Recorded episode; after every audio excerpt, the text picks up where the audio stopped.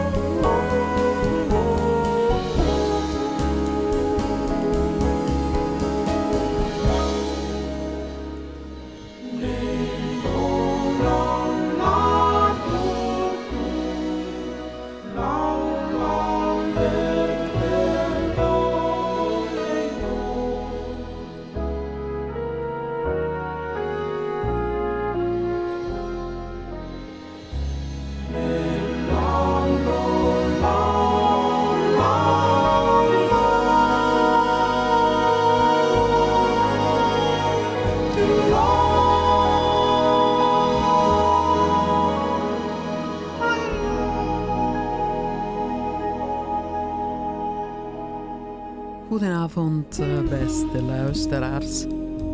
En uh, hartelijk welkom bij de uitzending van uh, Radio Onda Italiana. Dit is Voice of the Town. En vanavond gaan we het hebben natuurlijk over het thema van de dag. En dat is, ja, dat is virus en het vaccin. En ik vind het belangrijk dat er ook um, kritische stemmen gehoord worden. En met name uh, stemmen van, uh, van mensen die echt uh, goed gekwalificeerd zijn om dat te doen. omdat ja, de meeste mensen natuurlijk geen expert zijn op dit gebied, helemaal geen expert.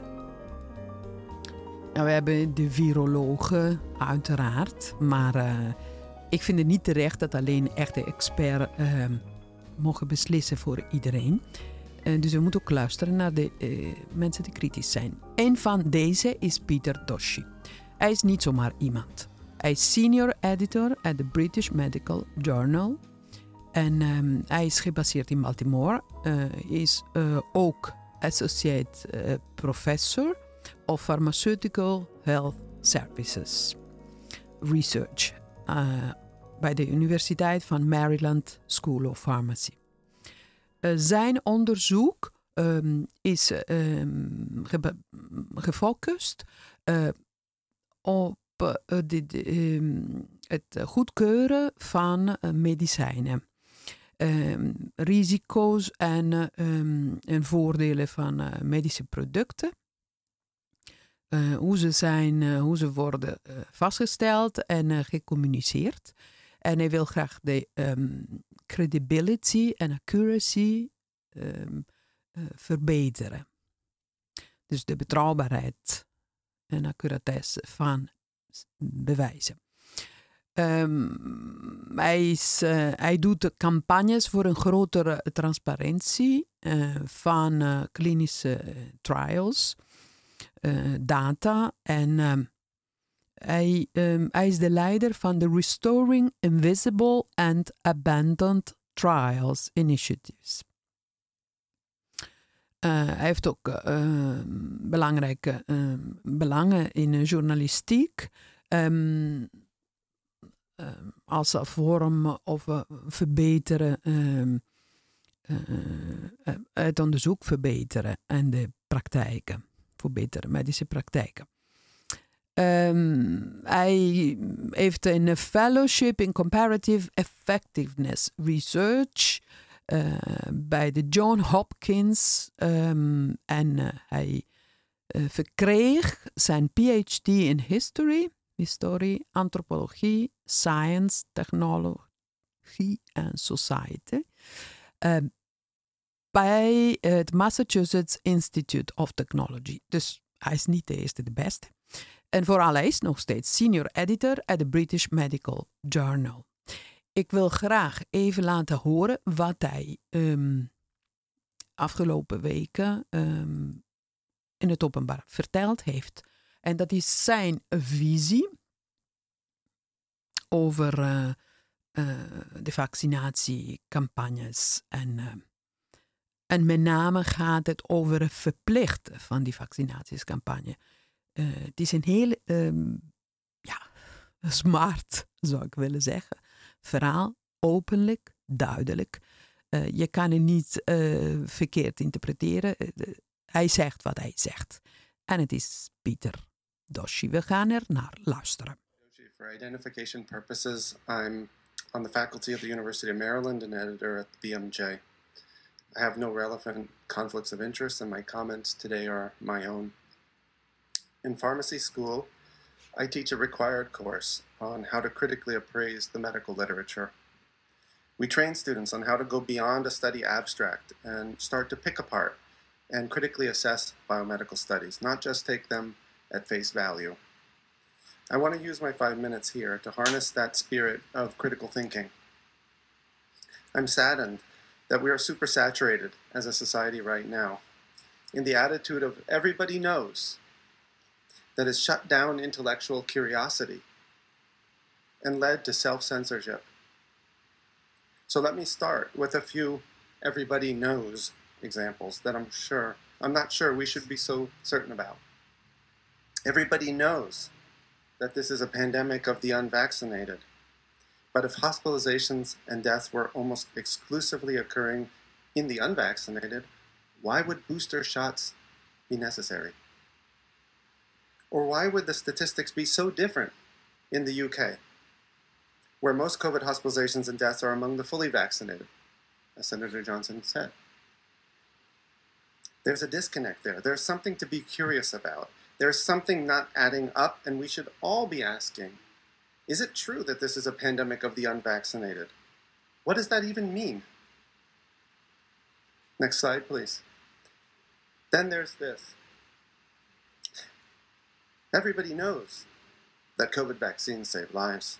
In fact, we've known this from early 2021. The clinical trials proved that to be the case, as you can see here in the quote of a February article in the Journal of the American Medical Association.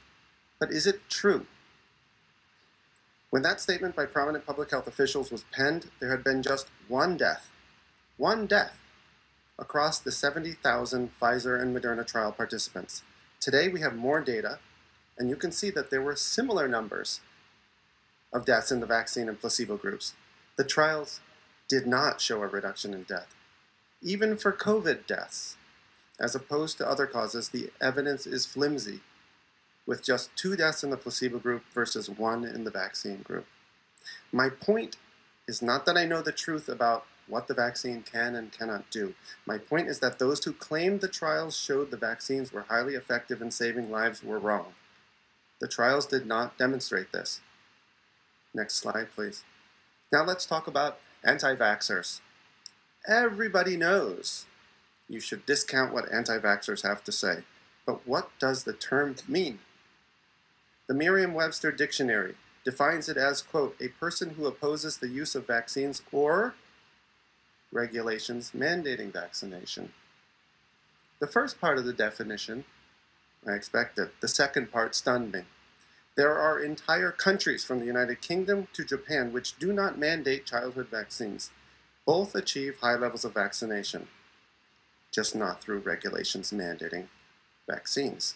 There are no mandates there, and I would wager that a large minority, perhaps a, major, a majority, of the world's population meets the definition here of an anti vaxxer.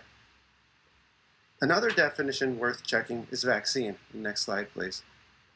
I am one of the academics that argues that these mRNA products, which everybody calls vaccines, are qualitatively different than standard vaccines. And so I found it fascinating to learn that Merriam Webster changed its definition of vaccine early this year. mRNA products did not meet the definition of vaccine that has been in place for 15 years at Merriam Webster, but the definition was expanded such that mRNA products are now vaccines. I highlight this to ask a question How would you feel about mandating COVID vaccines if we didn't call them vaccines? What if these injections were called drugs instead? So here's the scenario. We have this drug, and we have evidence that it doesn't prevent infection, nor does it stop viral transmission. But the drug is understood to reduce your risk of becoming very sick and dying of COVID. Would you take a dose of this drug every six months or so for possibly the rest of your life? If that's what it took for the drug to stay effective? Would you not just take this drug yourself, but support regulations mandating that everybody else around you take this drug? Or would you say, hold on a sec? Maybe you'd say that if that's all the drug does, why not use a normal medicine instead? The kind we take when we're sick and want to get better. And why would you mandate it? The point is, just because we call it a vaccine doesn't mean we should assume these new products are just like all other childhood vaccines which get mandated each product is a different product. And if people are okay with mandating something simply because it's a vaccine and we mandate other vaccines, so why shouldn't we mandate this? I think it's time to inject some critical thinking into that conversation, and that is what I hope we're doing today. Thank you.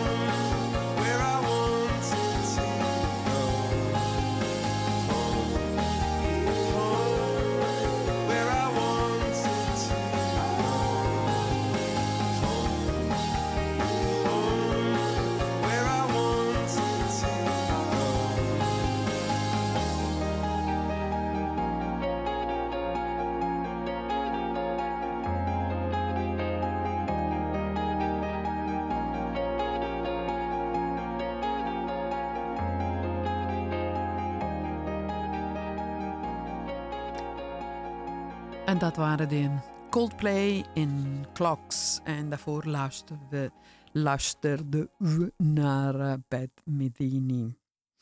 En we hoorden Pieter Doshi, niet zomaar de eerste, de beste, senior editor at the British Medical Journal. Um, ja, zijn, zijn verhaal is heel duidelijk. Zijn woorden zijn heel duidelijk. Uh, je kan ze niet verkeerd interpreteren. Hij zegt, uh, laten we uh, het kritisch denken injecteren. Dus hij gebruikt een metafoor wat vandaag de dag heel actueel is. kritisch denken, dat, dat is belangrijk. Um, hij begint met ja, die mantra's. Iedereen weet, iedereen weet. Maar weet iedereen uh, wat. Hij vindt dat uh, experts uh, op dit moment vaak zo zwaar beïnvloed worden door deze mantra's. Dus iedereen weet, ze durven niet te zeggen, ja, ik denk wat anders. er is een mate van zelfcensuur. en dat is heel ernstig natuurlijk. Um, er, is ook, er zijn ook veel belangen, conflicten. dus ja, al die experts die praten, die wel een belang hebben uh, bij de productie van vaccins bijvoorbeeld, of van tests, of wat dan ook, die hebben een belang. En uh, dat, uh, ja, dan moeten ze dat openlijk zeggen. En dat geeft ook natuurlijk ook een, een soort bias. Hè? Dus ja, als je belangen hebt, dan spreek je niet meer. dan ben je zo zwaar beïnvloed door je eigen belangen. En dat is vaak, gaat het om enorme winsten natuurlijk. Uh, we weten dat er miljarden winst, uh, dat Big Pharma's op dit moment miljarden winst maakt. Uh, zij zijn de enige winnaars van deze pandemie, twee jaar oorlog tegen de mensheid. van een onbekende vijand, maar we weten wie de winnaars zijn. Dat zijn in ieder geval de grote farmaceutische bedrijven dus waarom zou je stoppen met het kritisch denken? Er is helemaal geen reden voor. Uh, en uh, en, uh, en ander iets. Ehm, ja, we weten allemaal dat dit een pandemie van de ongevaccineerden is. Um, en wat Pieter Doshi zegt, ja, ehm, maar als het echt zo was dat alleen ongevaccineerden een probleem hadden, dus dat zij alleen maar ziek zouden worden, dat zij alleen maar uh, in het ziekenhuis zouden belanden. Uh, ja, waarom moeten we zo uh, hals over kop iedereen een booster geven? dus juist de beschermde mensen. Dus dit blijkt ook een. dit is ook niet de waarheid. Een pandemie van de ongevaccineerden, dat, dat, klopt niet.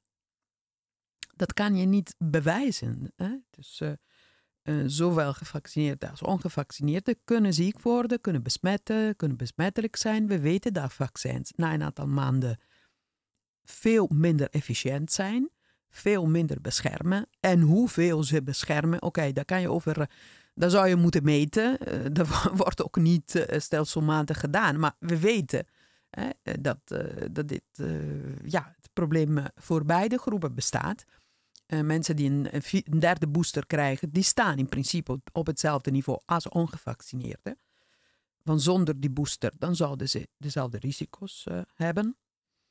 Uh, hij pleit voor het analyseren van data. Hij zegt, ik heb niet de waarheid, maar je kan ook niet beweren dat je de waarheid hebt. En je kan andere experts niet censureren op basis van die waarheid die je denkt te hebben. En ik ga het ook over, uiteraard over het uh, verplichten. Er zijn veel landen die mm, zeker niet een vaccin gaan verplichten. Waarom doe je dat niet? In eerste instantie omdat het toch nog steeds een, uh, een middel is in de uh, experimentele fase die, eh, die trials die eindigen over een paar jaar. Dat kan ook niet anders, want je kan niet weten wat de effecten zijn op lange termijn. Als je eh, mensen niet test op lange termijn, hoe kan je dat weten?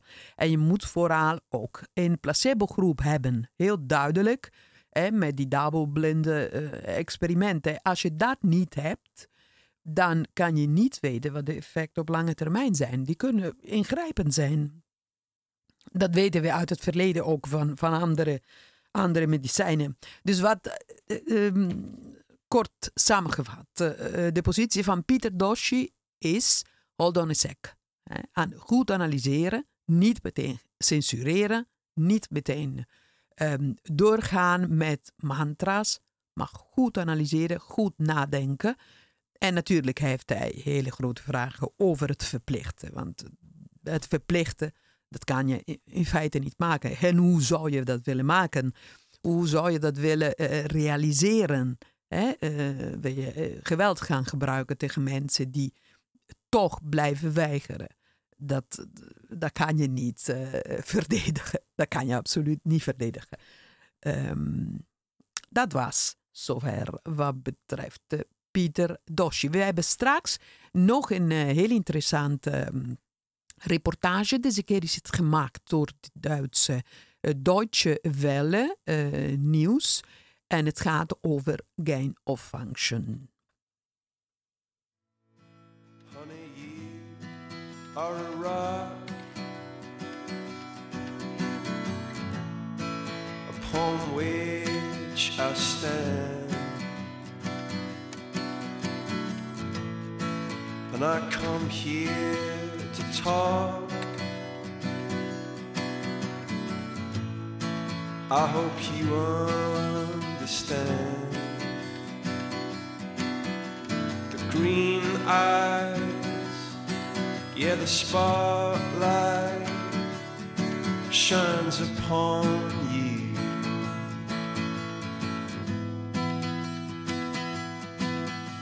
And how anybody deny?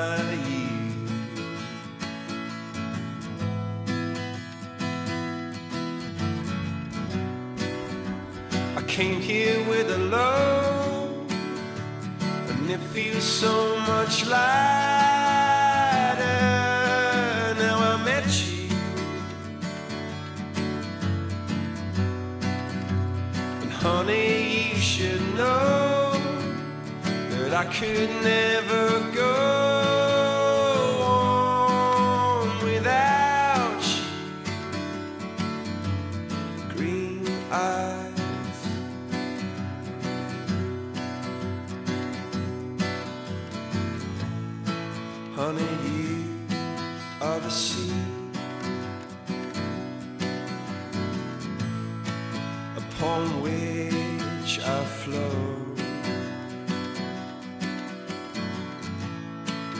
I came here to talk.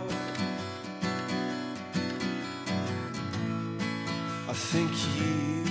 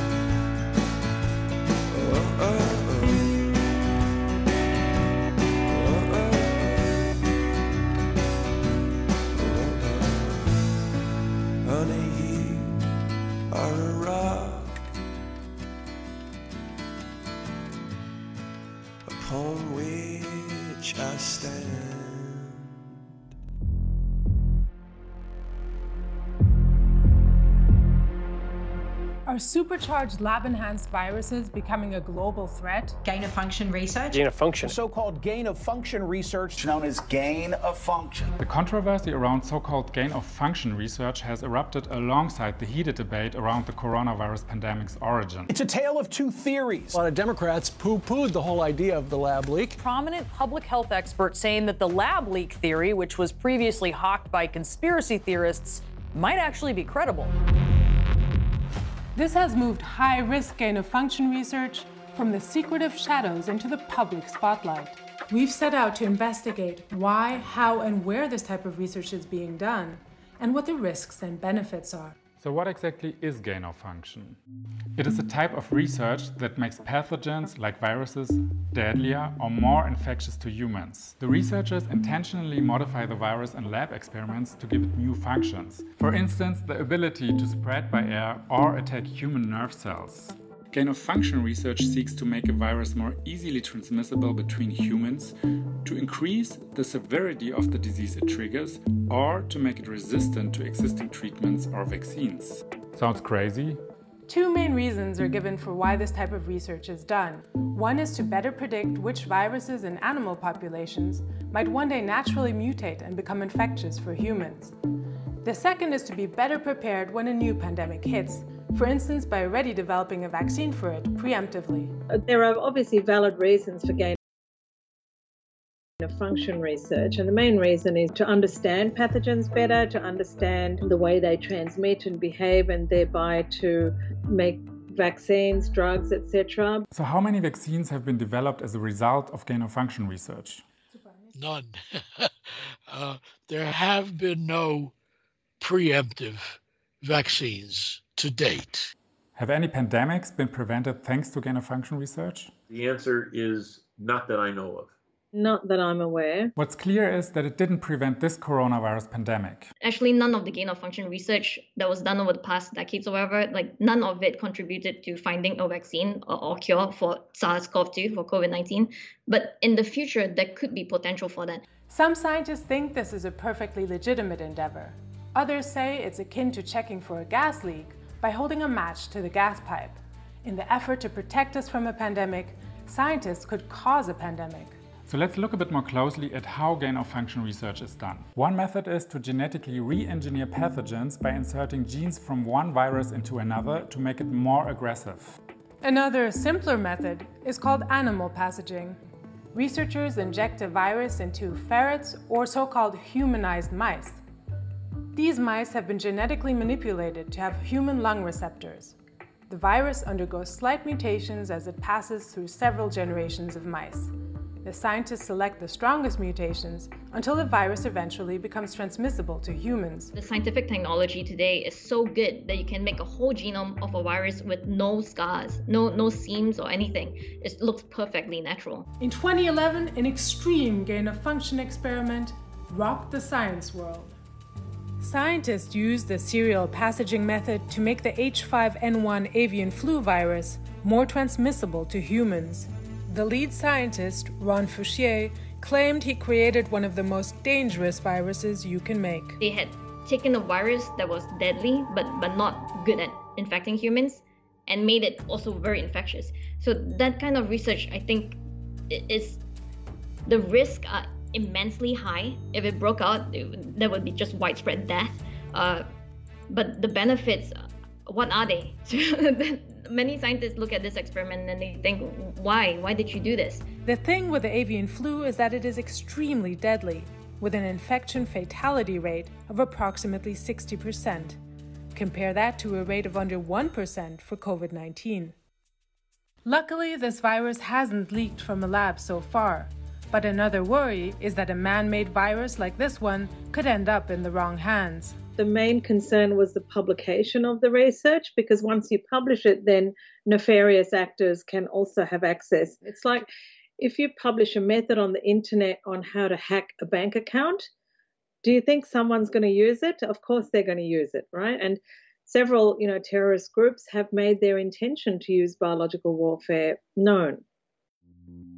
High security BSL 4 labs built for research on highly infectious pathogens are booming around the world, and three quarters of them are located in densely populated urban areas. Gain of function research is being conducted in some of these labs in the US, China, Europe, and other countries, although nobody knows for sure in how many of them. But surprisingly, gain of function experiments are not done exclusively in highest security BSL 4 labs.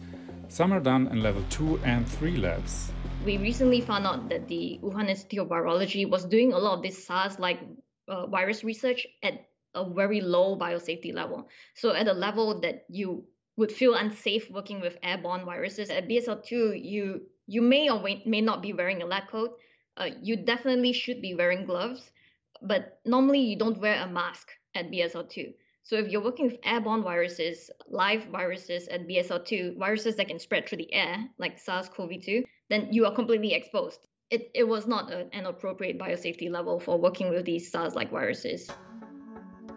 Researchers at the Wuhan Institute of Virology were collecting and researching bad coronaviruses and using humanized mice prior to the COVID 19 outbreak.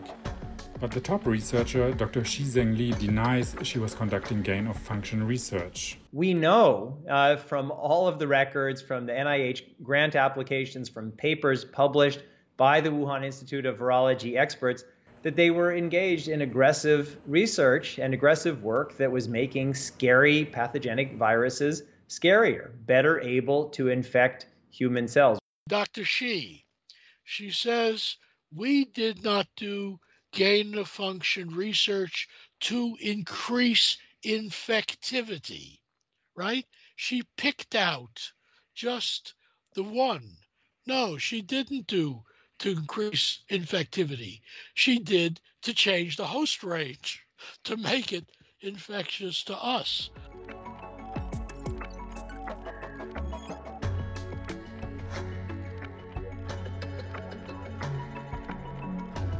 Making the disease the virus triggers more deadly is one possible aim of gain of function research.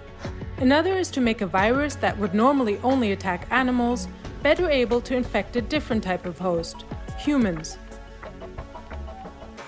What is making things murky is that different definitions of gain of function are circulating simultaneously. The reason why it's so confusing and so complicated is because scientists do not know where to draw the line between regular experiments and gain of function experiments that are very concerning. So it's only when there is a potential to cause harm to humans that it becomes gain of function research of concern. But the question into the origins of the pandemic were stifled in early 2020 when an open letter was published in the medical journal, The Lancet. That effectively snuffed out all the debate.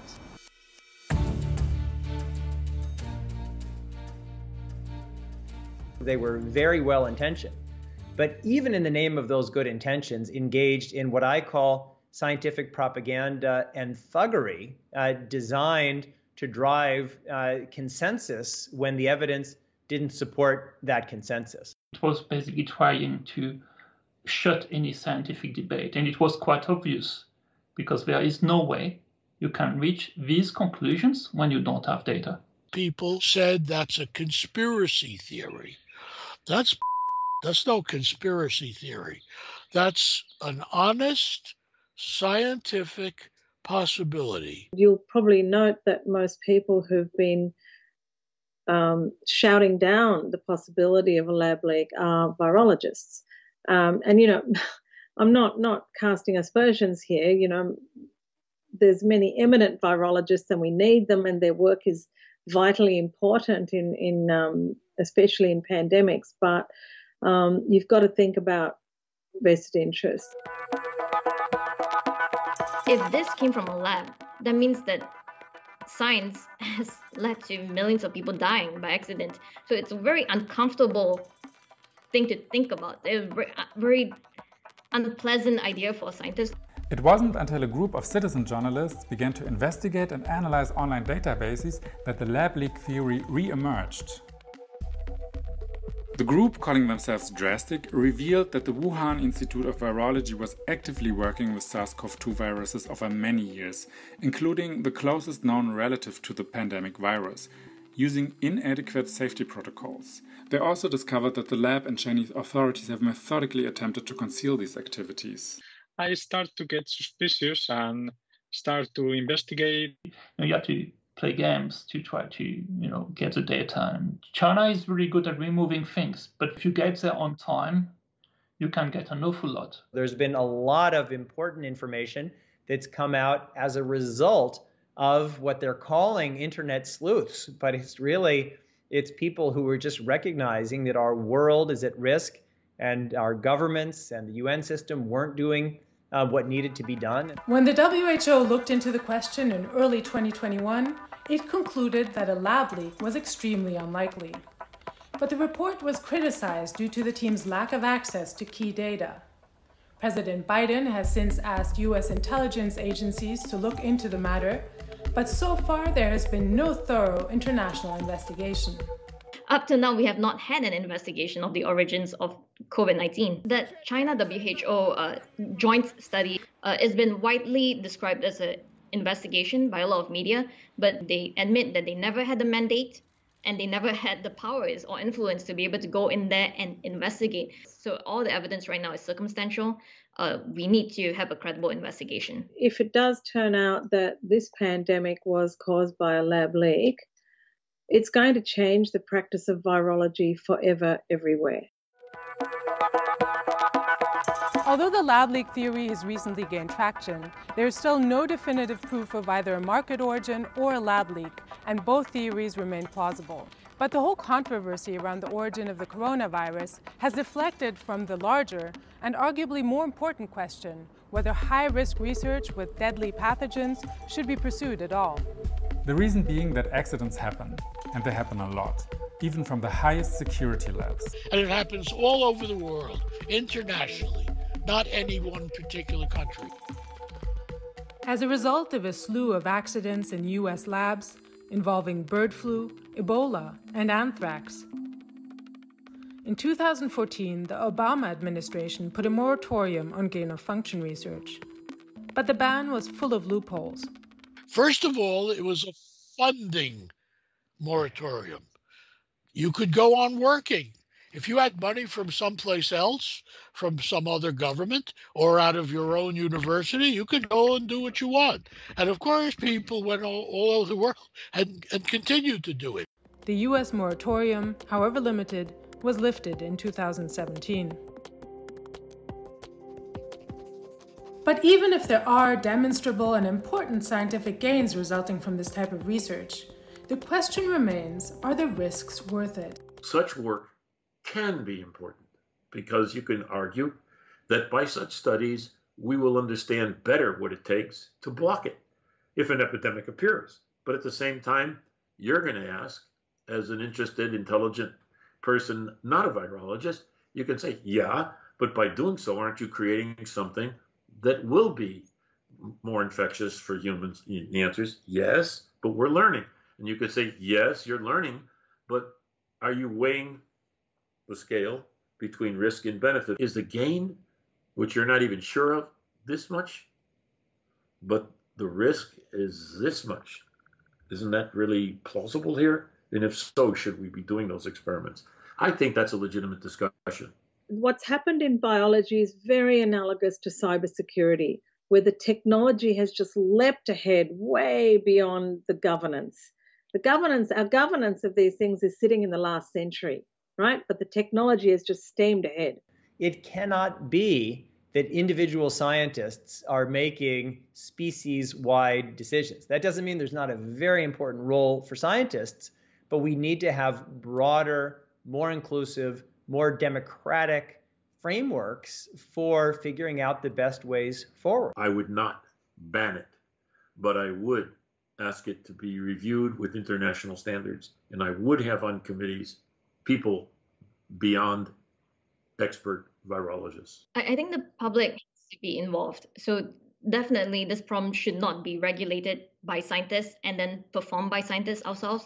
So because the outcomes of a pandemic it's not just that only scientists get sick everybody gets sick so it affects the whole globe uh, that's why this sort of research where the risks are extremely high uh, they need to be discussed with non-scientists as well. I think we need community consultation. We need the community engaged and knowledgeable.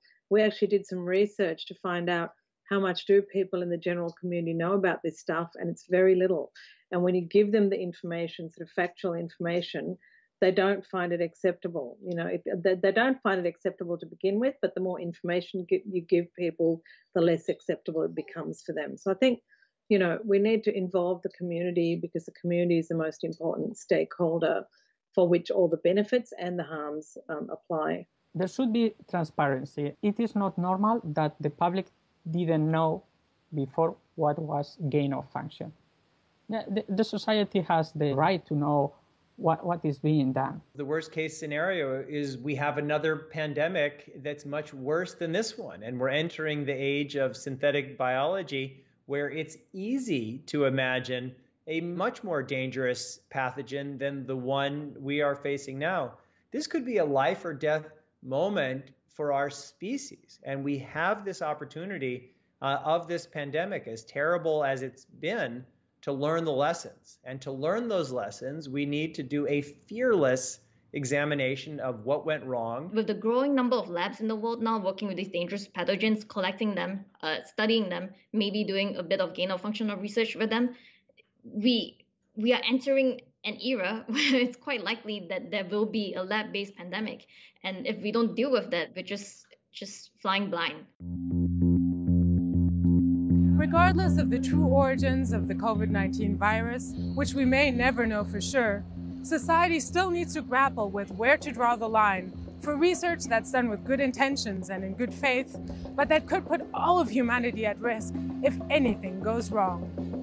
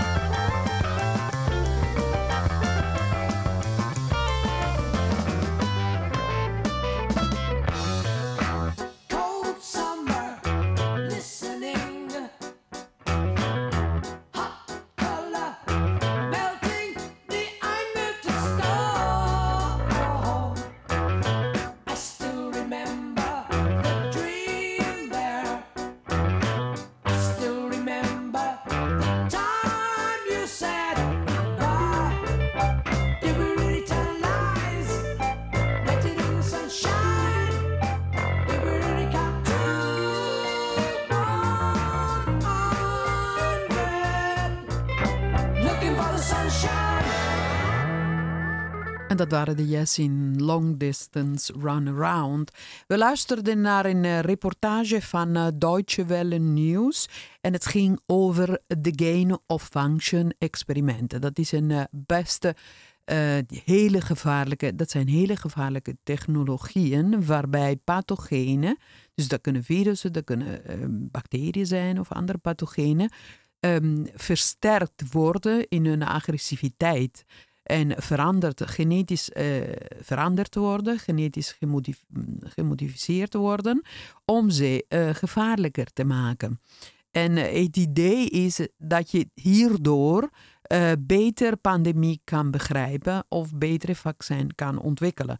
Maar volgens de onderzoeker, onderzoekster Alina Chan, moleculair bioloog, uh, is dat nog nooit gebeurd. Tot nu toe heeft geen enkele gain-of-function experimenten echt zinvolle uh, vooruitgangen geboekt voor, de, voor de wereld, voor de mensen. er bestaan alleen heel veel risico's. Dit reportage ging daarover. Er zijn een aantal experts geïnterviewd. Raina McIntyre, Milton Leitenberg, Robert Gallo en Alina Chan. Er zijn ook experimenten uh, genoemd die in Rotterdam plaatsgevonden hebben uh, over de um, ja, ook gain-of-function experimenten. in, in het voorjaar van 2020 um, kwam een artikel uit. die was geschreven door Pieter Datzak en um, getekend door andere 27 vooraanstaande wetenschappers.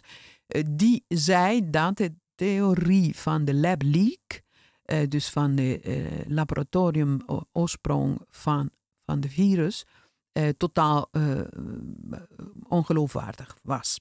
Dus het debat was op dat moment helemaal ehm, afgelopen. mensen die wat anders beweerden, die, die werden bestempeld als uh, complotdenkers en uh, gewoon genegeerd door het debat. Dit gebeurde in 2020. Maar later bleek dat Pieter Dastzak wel de voorzitter was van een NGO die enorm veel geld kreeg vanuit de, de Amerikaanse ehm, overheid om juist gain-of-function experimenten ehm, te doen, in, onder andere in, in Wuhan. Eh, onder andere met Xi eh, Zingli, de Bad Woman. Dus ja, enorme belangen, conflicten uiteraard, zou je, eh, zou je moeten zeggen. En later is er meer onderzoek gedaan en veel meer aandacht voor deze gain-of-function experimenten. Het probleem is dat je met gain-of-function pathogenen uh, kan uh, veranderen. Dan kunnen ze agressiever worden, dan kunnen ze makkelijk in de lucht verspreid worden. Dus ja, het is, vanzelfsprekend wordt dit, is dit heel gevaarlijk en met heel veel risico's. Um, je kan onder andere, dit heeft Alina Chan gezegd, je kan het genoom veranderen uh, op een manier dat het niet te zien is dat het genetisch gemodificeerd is, dat het uh, engineered is. Maar dat betekent dat je geen bewijzen kan hebben dat een genoom um, kunstmatig veranderd is.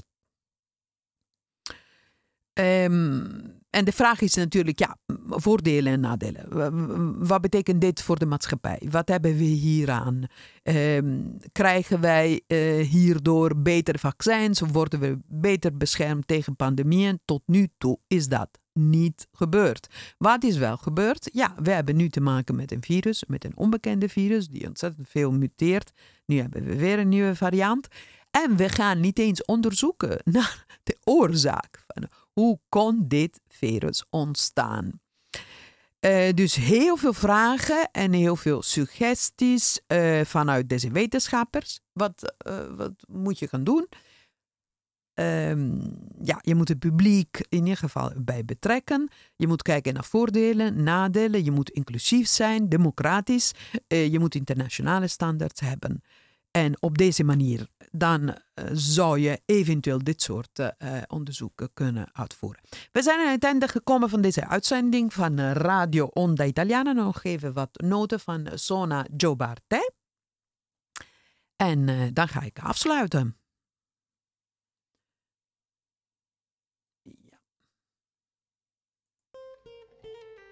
Dit was Voice of the Town van Radio Onda Italiana, Silvia Terribili in de studio.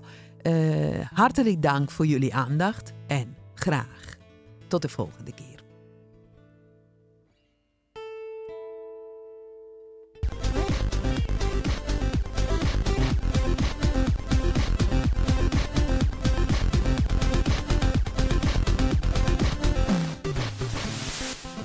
U luisterde naar Voice of the Town. Een programma van eh, Radio Onda Italiana op Radio Salto Amsterdam. Op eh, woensdagavond van 8 tot 9. Voice of the Town.